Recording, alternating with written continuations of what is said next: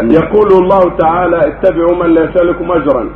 إلى آخر الآية. واستدل البعض بهذه الآية وغيرها بأنه لا يجوز تعليم الإسلام أو تعليم القرآن بأجر.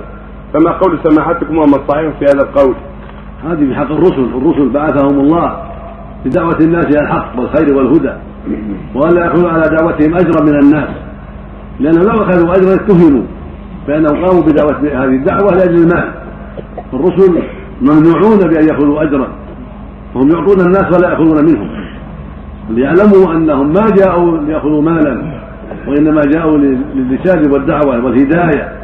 وأما ليعلموا الناس الخير يعلموا القرآن يعلمهم العلم إذا احتاج إلى ذلك فلا بأس عليه ينحبس عليهم على تعليمهم ينتظر أوقاته في ذلك فلا بأس أن يعطى ما يعينه على تعليم الأولاد وتفقيههم وتحفيظهم لكتاب الله.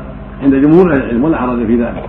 وقد قال النبي صلى الله عليه وسلم إن احق ما اخذت عليه كتاب الله وجعل اخذ على كتاب الله حق. ولما مر بعض الصحابة على طائفة من العرب ورئيسهم لذيذ فزدلته حية وقد فعلوا كل شيء لم ينفعه. فقالوا له هل فيكم من راق؟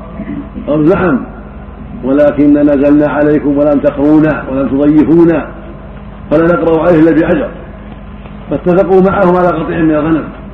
يرقون هذا اللذيذ فإن شفاه الله يعطونه القطيع. فقام إليه أحد الصحابة وقرأ عليه فاتحة الكتاب. قرأ عليه وتفل عليه فأطلقه الله وعافاه. فأعطوهم القطيع من الغنم. فأتوا فقالوا لا نأكله ولا نتصرف حتى نأتي المدينة. فنسأل النبي عليه الصلاة والسلام.